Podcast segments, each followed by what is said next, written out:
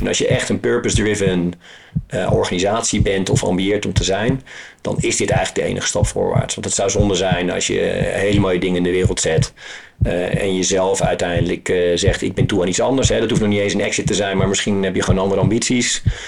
Um, het vervolgens overgaat naar iemand die daar uh, compleet andere bedoeling mee heeft. En aan de voorkant uh, alle schijn nog omhoog houdt, maar aan de achterkant daar een andere richting op gaat. Hoi, ik ben Cor Hospes en dit is Hart voor Zaken, een maandelijkse podcast waarin een ondernemer vertelt over zijn hart voor zaken. Over zijn liefde voor zijn bedrijf, over zijn liefde voor mensen en de wereld om hem heen. Ook heeft hij twee hartverwarmde tips om jouw bedrijf nog meer kloppend te maken om jouw collega's nog meer verbonden met elkaar en de organisatie te maken. Met deze maand Hans van der Broek van The Shore. Welkom Hans. Ja, dankjewel. Wat betekent liefde voor je? Het eerste wat in me opkomt is uh, misschien wel gewoon, als ik het bij mezelf ervaar, dat warme gevoel wat je van dingen krijgt of voor mensen ervaart. Uh, misschien ook wel in de vorm van waardering en vooral ook in aandacht. Jongens, genoeg te bepraten. Dit is Hart voor Zaken. Take it away, boys!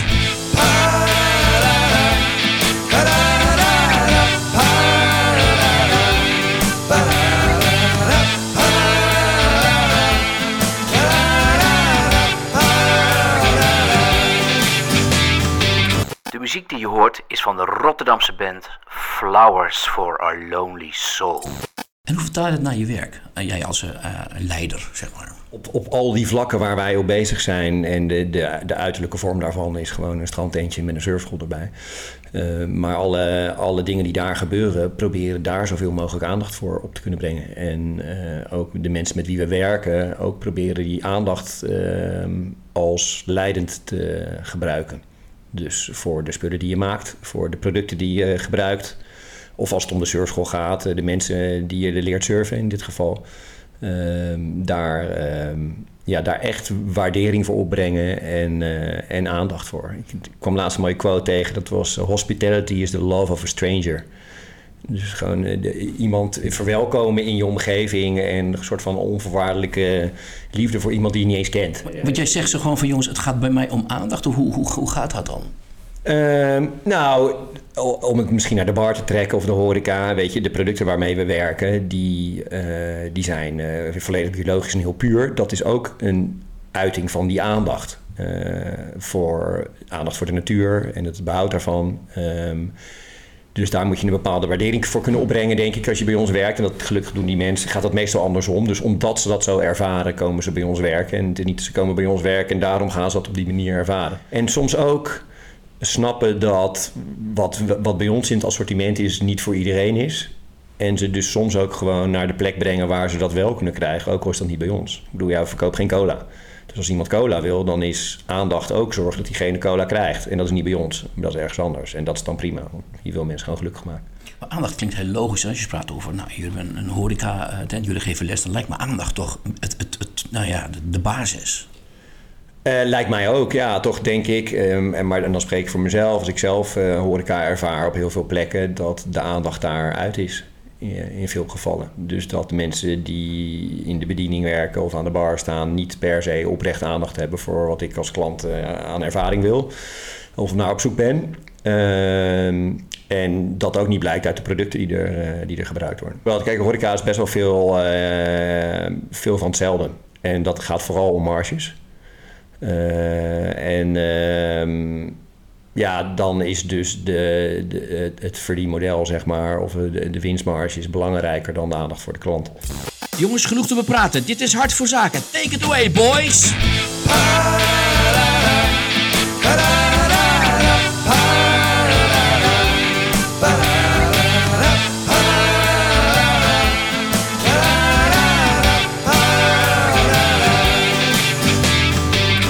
Muziek die je hoort is van de Rotterdamse band Flowers for Our Lonely Soul.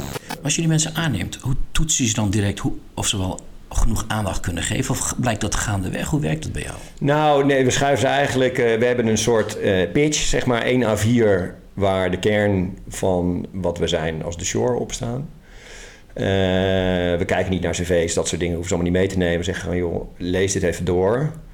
Eh, denk daar goed over na. En als jij eh, hier, als je dit draagt zelf ook, weet je, als je dit, als je dit onderstreept en dit iets is waar je thuis bij voelt, ja, dan pas je bij ons. Zet je een handtekening onder het A4'tje? Nee hoor, zeker niet. Nee, maar dat is, weet je, dat moet je wel, want dan snap je ook wat we proberen te doen. Help me eventjes, wat staat er op dat A4'tje? Nou, dat is heel pragmatisch. Gewoon van, joh, wat, wat, kijk, de, de, de, wat we zijn is eigenlijk een, um, een invulling van een gedachte. En dat had je met elk ander bedrijf ook kunnen doen. Uh, maar wij willen graag actief uh, bijdragen aan een duurzamere maatschappij. En hebben daar toevallig deze tak van uh, voor gekozen, omdat dat in de geschiedenis zo gegaan is. Ik ben nooit begonnen met een surfschooltje. En dat surfschooltje surfen doe je in de natuur. En die beleving die ik daarbij ervaarde, die zorgde ervoor dat ik dat wilde conserveren. Of in ieder geval daar een positieve bijdrage aan wilde leveren. Um, dus daar staat op wat voor producten we gebruiken en waarom. Dus waarom we kiezen voor alleen biologische producten. Uh, waarom we ervoor kiezen niet alleen een horecagelegenheid te zijn of alleen een surfschool, maar ook eigenlijk die, al die subculturen daaromheen proberen te, uh, daar bruggen naar te slaan. Dus ja, we noemen dat bridging the communities. Um, en we eigenlijk iedereen willen uitnodigen om in die surfwereld te komen, omdat we daar zelf heel gelukkig van worden. En we ook denken dat andere mensen daar heel erg gelukkig van worden. En ook de activiteiten die we daarvoor ontplooien om dat te kunnen doen. Dus kunst, muziek, andere aspecten van cultuur. Uh, dus we zijn ook een beetje muziekschool bijvoorbeeld soms. En ja, we zijn ook expositieruimte al die dingen die, die, die surfcultuur raken, die proberen we te omarmen. Dus dat staat daar ook in. Dat is echt wel de cliché ja. surfcultuur eigenlijk. Ja. Die, die, maar was er nog niet, al niet zoiets? Of, of, of, of miste je dat? Of? Ja, ik miste dat wel. Dus ik, uh, ik zag vooral... Er zijn een aantal surfscholen door het hele land. En sommige van die surfscholen hebben ook horeca. Maar wat ik heel erg uh, het gevoel had, is dat die dus surfschool waren als het slecht weer was en er goede golven waren. En strandpaviljoen op het moment dat het lekker weer was en er geen golven waren. Terwijl er zoveel meer om surfen zit, wat ook een plekje verdient en ook een podium verdient. Want er zit echt cultuur aan surfen, ja. maar die werd een soort van overgeslagen. Uh, en dat proberen we heel erg te doen. En dan is Scheveningen daar de prettigste plek voor, omdat je hier gewoon alle voordelen hebt van de metropool, maar ook niet de nadelen. En je hebt alle voordelen van een dorp, maar niet de nadelen. Dat is gewoon een hele fijne plek. Er zijn maar weinig plekken waar je in je blote voeten, of op je blote voeten in je blote bast uh, uh, in een winkel kan staan zonder dat mensen je gek aankijken. En dus ook de enige plek in Nederland waar die surfcultuur echt in het dorp ook zit. En niet per se uh, onaangetast is door surfen. En dat de mensen van buitenaf, zoals een wijk aan zee, daar wordt ook veel gesurfd. Maar dat zijn eigenlijk veel Amsterdammers die naar wijk aan zee komen om te surfen, maar in Amsterdam hun leven hebben. Ja. En hier heb je dat heel erg. Dus daar wilde ik gewoon onderdeel van zijn en me in onderdompelen. En uh, dus ik ben hier gaan studeren als, uh, als gymleraar. En want daarmee dacht ik, nou ja, onderwijs, hou je veel tijd over om te surfen. En, en toen ben ik hierheen gaan verhuizen. En dan, en dan ervaar je wel een deel van die, van die cultuur die er is. Ja. ja. Maar dat was niet, maar je miste iets, want daarom ben je uiteindelijk de shore begonnen. Nou, ja, klopt. Maar dat is wel al een stuk later. Dus naast mijn baan als gymleraar en die surfschool die groeide organisch. En op een gegeven moment uh, krijg je van de gemeente een vergunning om je paviljoen het hele jaar rond op het strand neer te zetten. Ja, want je had, je had, een hut bij wijze van spreken op het ja, strand. Ja, ja. Dus, uh, dus dat be beïnvloedt je besluitvorming. En op een gegeven moment kregen we daar ook een horecavergunning bij. En toen dacht ik als ondernemer ook wel, oké, okay, als dit nu de kaart is die ik gespeeld krijg, dan moet ik met iets komen wat anders is dan de 54 strandpaviljoens die hier al staan. En toen ben ik gewoon gaan kijken, ja, wat is nou het leven waar ik zelf gelukkig van word en wat vind ik belangrijk om te laten zien aan mensen uh, hoe het ook kan. Uh, en nou, dat stond vrij ver van uh, het status quo van strandpaviljoens af.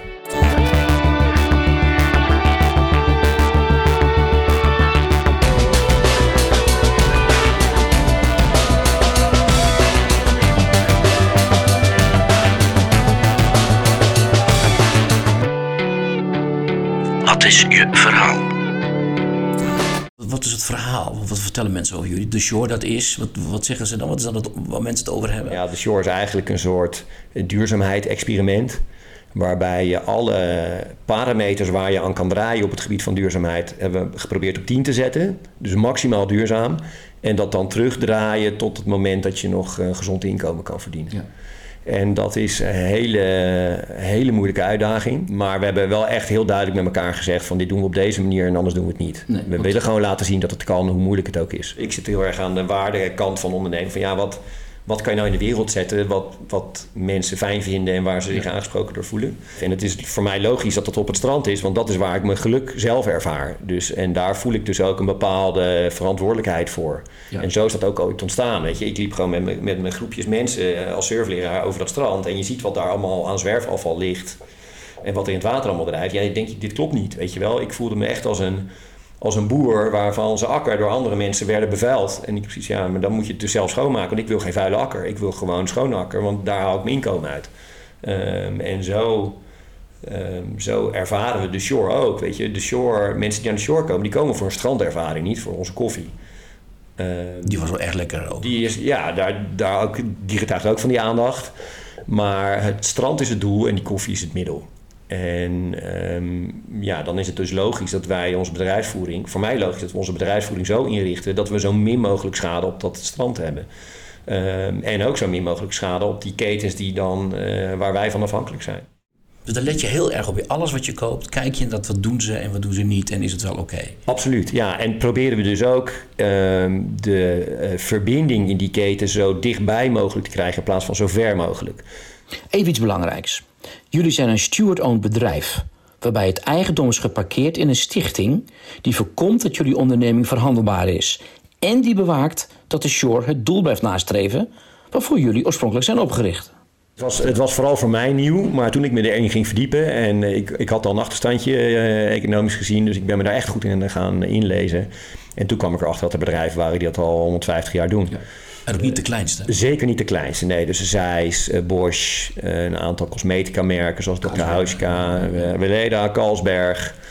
Ehm, dus ja, ik dacht, ja, dit, dit klinkt eigenlijk gewoon heel erg logisch. En toen ik me daar steeds meer in ging verdiepen, dacht ik ook, oh, wacht even, de, de, de problemen die er ontstaan, eh, economisch gezien en als gevolg daarvan ook op eh, milieuvlak en, eh, en op biodiversiteitsvlak en al dat soort dingen, is eigenlijk door dat eigendom. Maar als het toch heel logisch is, waarom is het toch zo moeilijk? Of waarom denken weinig bedrijven er eigenlijk maar aan? Wat, wat, wat is dat? Omdat we altijd nog in dat eh, de aandeel meer, meer, meer situatie zitten? Moeten we daar dan van af? Of Ja, ik denk dat het tweeledig is. Dus de, de, de impulsen die in onze economie zitten zijn gewoon gebaseerd op eigendom.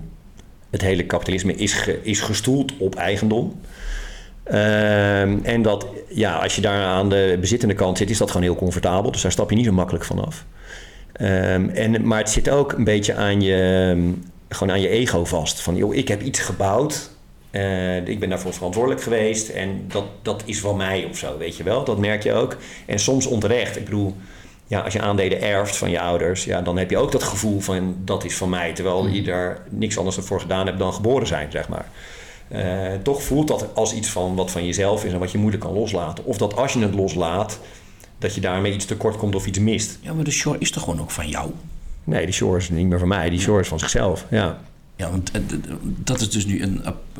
Die stichting gaat daarover. ja nee, die zegt nee, nee, nee, nee. Oh, nee, nee, nee. zeker moet even uitleggen, mensen Ja. die niet goed begrijpen. Nee, nee, zeker niet. Die stichting die dient alleen als eh, huisvesting van het kapitaal.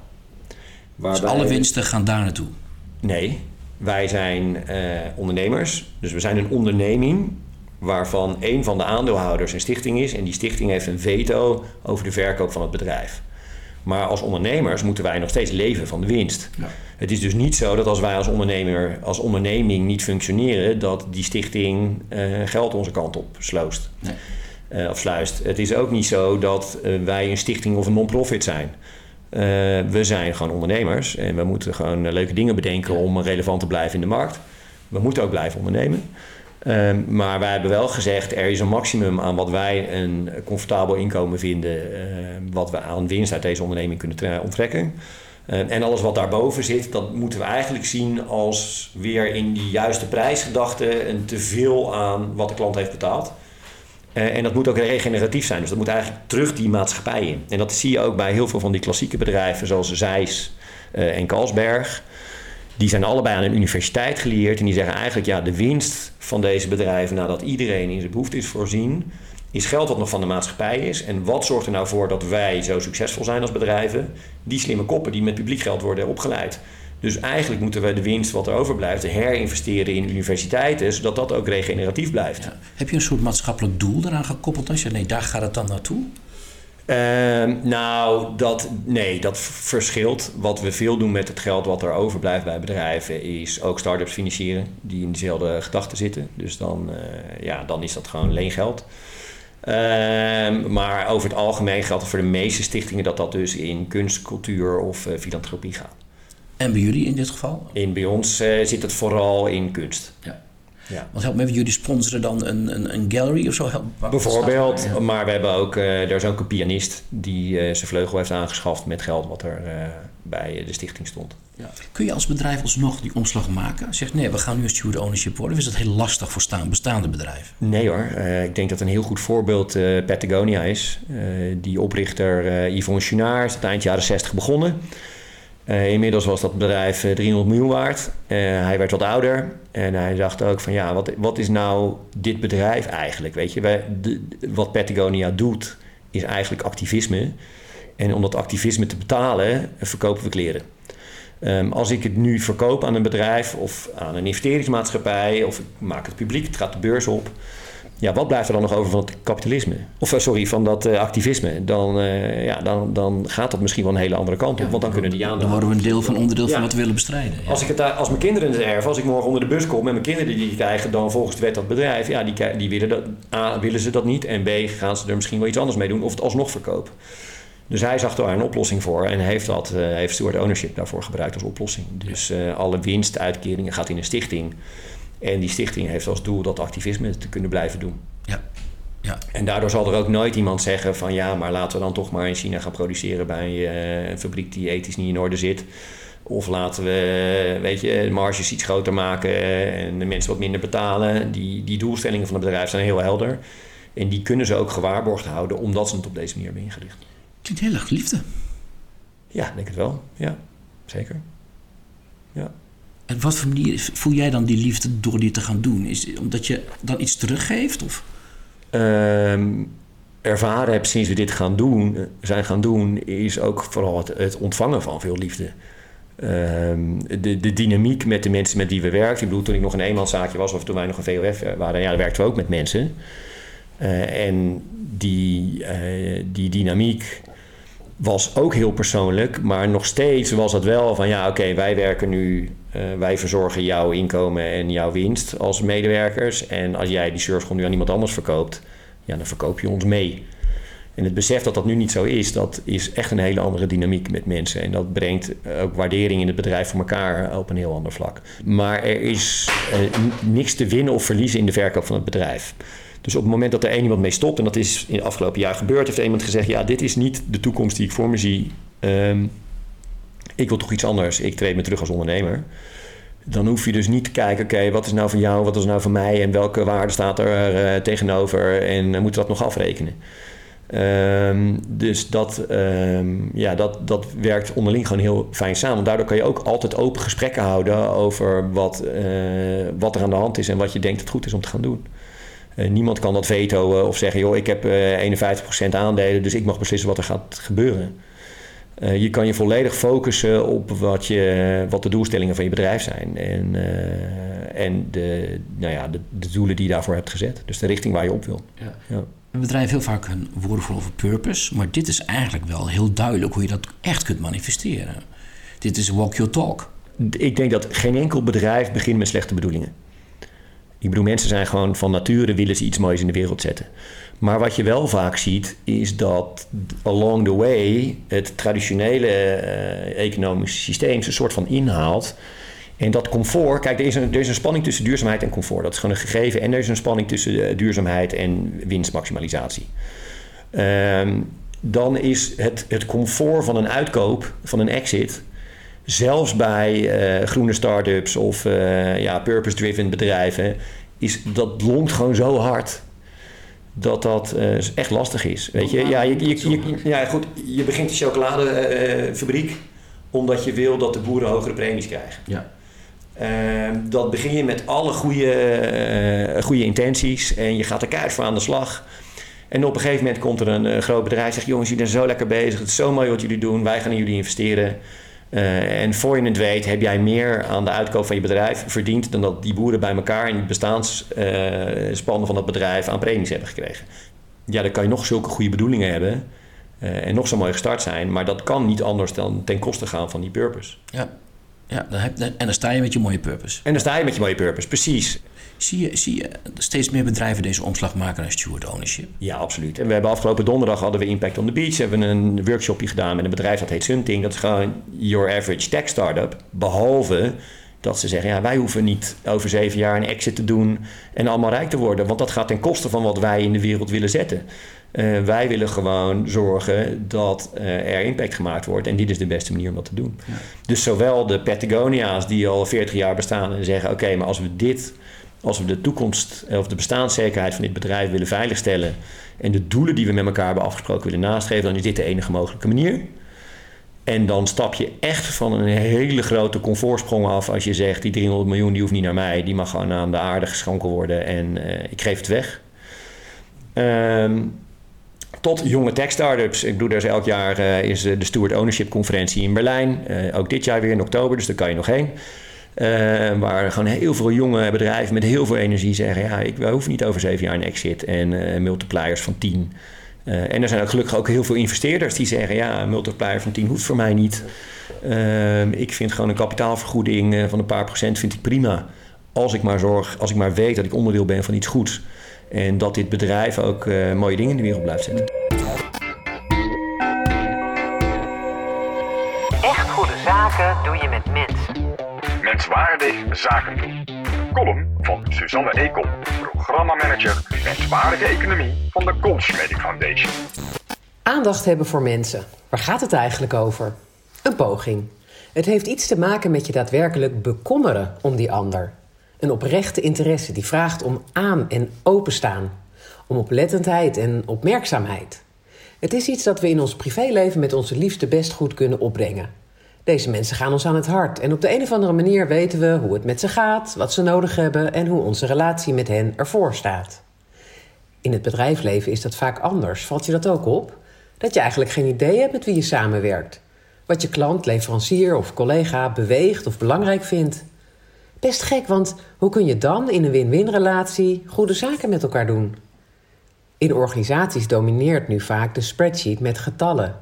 En het wat neoclassieke idee over economie, als iets waar geld, prijzen en markten het met elkaar moeten doen. Maar weet je, de echte economie die draait niet op geld, maar op relaties en gedrag. En goed nieuws, wat je aandacht geeft, dat groeit. Maar waarom gaat die aandacht voor mensen in de wereld van werk toch niet vanzelf?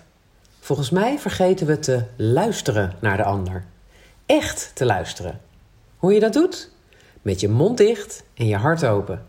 Dan leer je de ander werkelijk kennen. En het is nog handig ook, want misschien hoor je nog eens iets waardoor je beter kunt bijsturen. Goals. En wist je dat het Chinese teken voor luisteren is opgebouwd uit zes subtekens? Die voor oor, oog, respect, jij, hart en onvoorwaardelijke liefde. Daar zit het allemaal in. En laten we alsjeblieft niet meer vergeten dat iets pas werkelijk van waarde is als niemand aan het kortste eind trekt en dat jij niks wint als de ander verliest. Begin daarom morgen met wat vaker te luisteren op de weg van medemenselijk ondernemen. Dankjewel voor je fijne column, Suzanne. We gaan nu weer terug naar onze studiogast, Hans van den Broek van The Shore. Er zitten waarschijnlijk ondernemers die naar te luisteren en die denken van ja, waarom moeten ze niet cynisch zijn, maar waarom moeten, waarom moeten ze dit echt serieus nemen? Ja, ze moeten dit serieus nemen omdat dit uh, de meest natuurlijke manier is van ondernemen. Uh, dus de, je, je kan op de meest zuivere manier waarde creëren. Uh, en ehm, nou ja, wat we net ook al zeiden, er is, er is een conflict tussen comfort. Dus het, het voelt als minder comfortabel. Omdat je dat geld niet... Uh... Omdat je dat geld niet krijgt. Er zijn dingen die, uh, die je op een andere manier moet oplossen, zoals je pensioenvoorziening. Ehm, maar het brengt zoveel moois met je bedrijf mee. Het brengt zoveel energie ook in je bedrijf. Dat je dat, ja, dat, dat gewoon een hele fijne stap is om te doen. En als je echt een purpose-driven organisatie bent of ambieert om te zijn dan is dit eigenlijk de enige stap voorwaarts. Want het zou zonde zijn als je hele mooie dingen in de wereld zet. Uh, en jezelf uiteindelijk uh, zegt: Ik ben toe aan iets anders. Hè. Dat hoeft nog niet eens een exit te zijn, maar misschien heb je gewoon andere ambities. Ehm, het vervolgens overgaat naar iemand die daar eh, een compleet andere bedoeling mee heeft. En aan de voorkant uh, alle schijn nog omhoog houdt, maar aan de achterkant daar een andere richting op gaat. Ja. Ja, en ik hoor iets anders. Uh, er wordt veel over geklaagd, er is geen betrokkenheid. Maar zo vergroot je enorm de betrokkenheid met je medewerkers. Hè? Dat is enorm volgens mij. Ja, ja absoluut. Ja, absoluut. Hoe, hoe, merk jij dat? Nou, wij hebben nu eigenlijk pas, merken we in die, in die inflatieperiode, dat, ehm, dat dat we de medewerkers een soort van keuze maken. We, we, hebben, we waren heel lang het enige horecabedrijf volgens mij wat nooit uh, tekort had aan personeel. En dat is omdat mensen bij ons om een andere reden gaan werken dan voor het geld. Ze willen gewoon onderdeel zijn van iets wat puur is, denk ik, en wat uh, op een mooie manier in de wereld staat. Um, maar nogmaals, al die knoppen die je op 10 wil zetten, ja, je, je werknemers-werkgeversverhouding wil je ook op 10 zetten. Maar helaas is dat wel een knop die we terug moeten draaien om de rest op, op 7 of 8 of 9 te kunnen laten staan. En dat willen we niet, maar anders ben je echt out of business. En dan zie je nu dat er, uh, dat er andere sectoren zijn waar veel meer verdienvermogen in zit dan in horeca. Want horeca is gewoon een race to the bottom. Uh, meer dan die surfschool. Dus bij die surfschool is dat eigenlijk minder dan bij de, bij de barkant.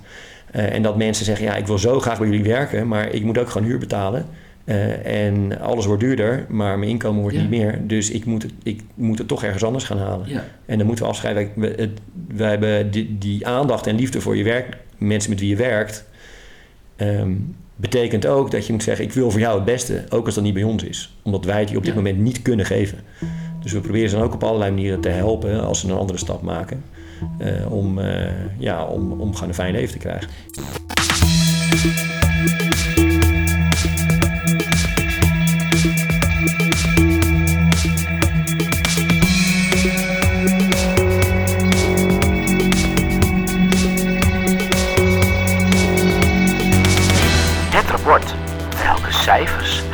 Mijzelf?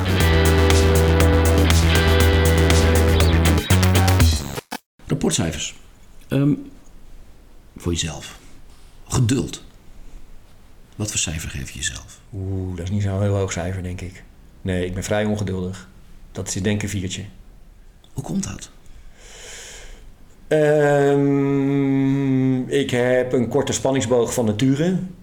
Um, en ben ook snel afgeleid. Dat heeft er denk ik een beetje mee te maken. En, um, nou ja, en zit daardoor ook best wel hoog in mijn energie. Dus ik wil wel, ik wil wel gas geven. Ik heb dat wel geleerd overigens hoor, veel meer dan, uh, dan vroeger. Uh, maar ik merk naarmate ik, uh, als ik veel werk en heel moe ben... En, en niet lekker in mijn energie zit, dat ik ongeduldiger word. Ja. Zijn wel eens geduld is het opstapje naar aandacht? Ja, zeker. Ja. En dat is iets wat jij, dat, dat voor jouw liefde betekent? Ja, absoluut. Maar waar ik mezelf ook heel vaak op betrap dat ik dat niet heb. Ook in mijn, ook in mijn privéleven, bij mijn kinderen bijvoorbeeld. Dus dat is ook die aandacht, omdat ik zo'n korte spanningsboog heb, laat ik dat heel makkelijk gaan. En dan moet ik mezelf er constant bij houden. En, uh, en ook vooral een omgeving creëren uh, waarin ik die aandacht erbij kan houden. Ja. Luisteren, wat voor cijfer? Um, gaat beter. Ik denk een zesje. Ja. Het gaat beter. Nou, dat zit ook aan die aandacht. Dus op het moment dat je makkelijk uh, droomt, wegdroomt en je bent in een gesprek met iemand, dan uh, moet ik echt uh, methodes vinden om mezelf daar elke keer bij te houden. De laatste vergevingsge vergevingsgezind. Ja, die, die kan wel op een 9, denk ik. Ik, ik vergeef heel makkelijk. misschien soms te makkelijk. En ik denk dat ik uh, in perspectieven altijd vooral het perspectief van de ander uh, probeer eerst te doorgronden. Mensen zeggen wel eens, jij bent zo iemand die altijd iets koopt voor een tientje en dan verkoopt voor 5 euro. In plaats van koopt voor 5 euro en verkoopt voor een tientje. Omdat ik altijd al denk, argumenten voor de ander aan het bedenken ben. Waarom, uh, waarom dat dan zou moeten. Um, dus Slecht ondernemer. Ik, nou ja, vanuit dat klassieke perspectief wel. Maar ik denk het, het perspectief van de ander. En bij, met de ander bedoel ik dan ook uh, de aarde bijvoorbeeld. Dat is wel de reden waarom we dingen kunnen doen zoals we ze nu doen. Is dat niet de, het de centrale gedachte? Misschien wel, ja. ja. Er zijn voor de ander. Ja, nou ja, en dat, dat zit natuurlijk ook vast aan dat uh, gelijk zijn en, uh, en, en aandacht en uh, al die thema's die we besproken hebben. Van joh, weet je, als, je, als we dit nog heel lang willen kunnen blijven doen, ja, dan, dan moet dat op een andere manier dan dat in het verleden het geval was. En daar, eh, ja, dat, dat proberen we op die manier te oefenen.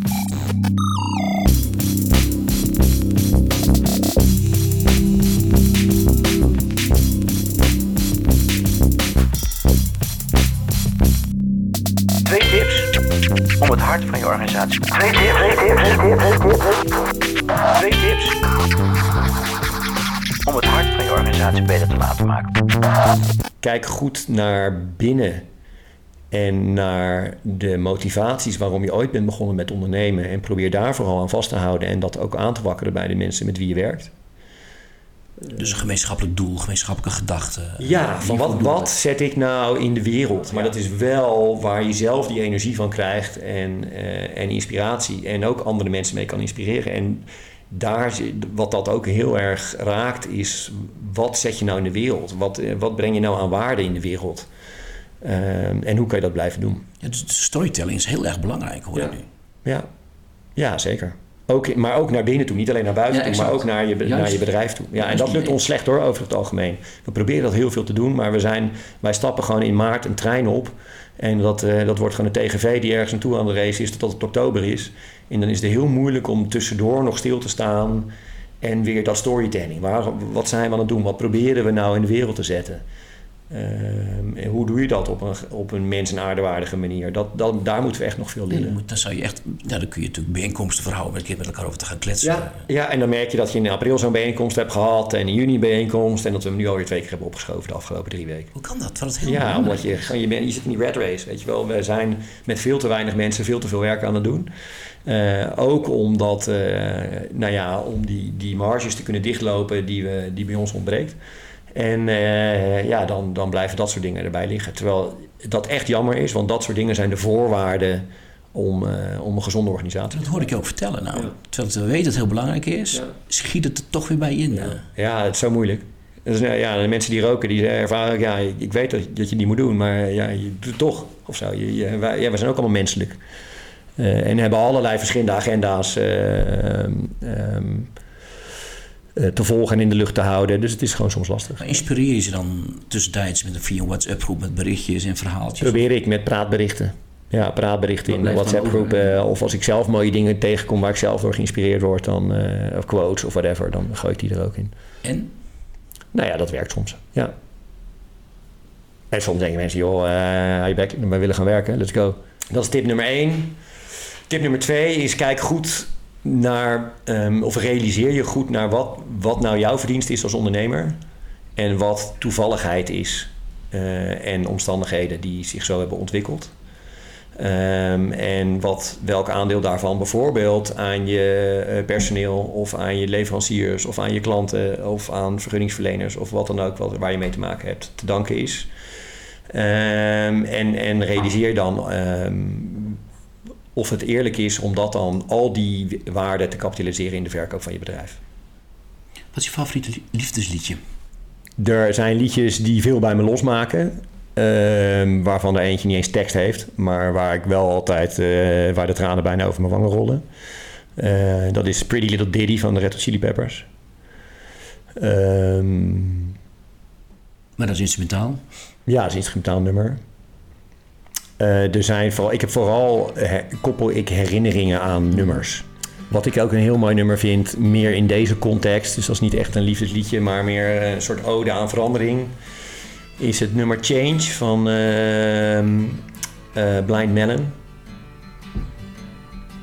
Ehm, ik weet niet of ik hem kan zingen zonder eh brok in mijn keel te krijgen, maar eh, ja, dat is denk ik wel een passend nummer. I don't feel the sun's coming out today. It's staying in, and it's gonna find another way. As I sit here in this misery, I don't think I'll ever know, no, see the sun from here. Oh, as I fade away. They'll all look at me and say, and they'll say, hey, look at him. I never lived that way, but that's okay. They're just afraid to change.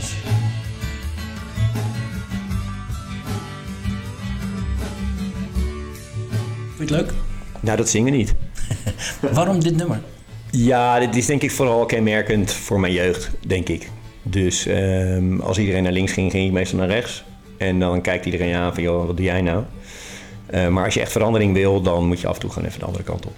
En ehm, ja, die, die tijden van verandering zitten we nu heel erg in. En dan heb je gewoon eh, mensen nodig die, ehm, ja, die blijven dromen en die dromen willen blijven volgen. Dat is wat je nog steeds doet. Ja, zeker. Dank. Jij bedankt. Dankjewel voor het luisteren. Dit is Hart voor Zaken. Ik ben Cor Hospes. Tot volgende maand.